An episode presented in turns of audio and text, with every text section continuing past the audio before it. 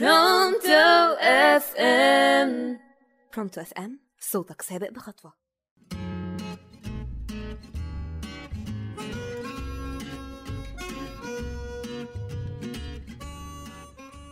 يا مساء الفل عليكم مستمعينا أهلا بيكم في أول حلقة من برنامج ليها لازمة. معاكم نهى عمر وانتوا بتسمعوني على Pronto FM صوتك سابق بخطوة. حاجات كتير في حياتنا مهمة وليها لازمة. أحيانا بننساها فبتحصل أزمة. هنفكر بعض بيها وحياتنا هتبقى أجمل. موضوعنا النهاردة عن الاحتواء. الاحتواء كلمة كبيرة ومعناها أكبر. أغلب العلاقات ممكن يحدث فيها نفور بسبب قلة الاحتواء.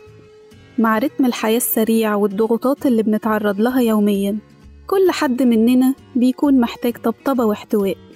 وأنا هنا مش بتكلم بس عن الاحتواء الزوج لزوجته أو الزوجة لزوجها لكن كمان احتواء الأب لأبنائه والأم لولادها احتواء المدير للموظفين أو الصاحب لصاحبه.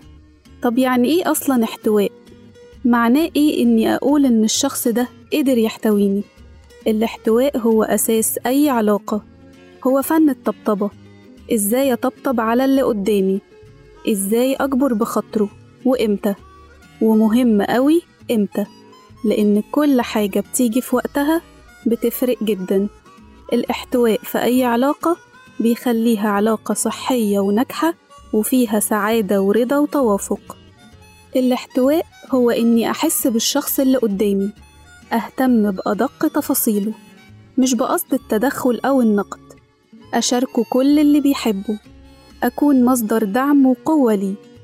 أقف معاه في طموحه وأهدافه حتى لو كل الدنيا قالت على حلمه مستحيل. إننا نكون السند وقت الضعف. ساعات كتير بتحصل لنا حاجات تفرحنا بس مش بنفرح بيها أو فرحتنا بيها مش بتكون كاملة. وده علشان الناس اللي المفروض تفرح لنا أو تفرح معانا مش موجودة أو حتى موجودة بس مش مهتمة. وساعتها هتتحول الفرحة دي لإحساس بالإحباط. وفي النهاية إذا لم تبذل فأنت لا تستحق أن يبذل من أجلك. يعني لو أنت مستني طبطبة واحتواء من اللي قدامك لازم أنت كمان تبادر بده. كنت معايا أنا نهى عمر في برنامج ليها لازمة على برونتو أف إم.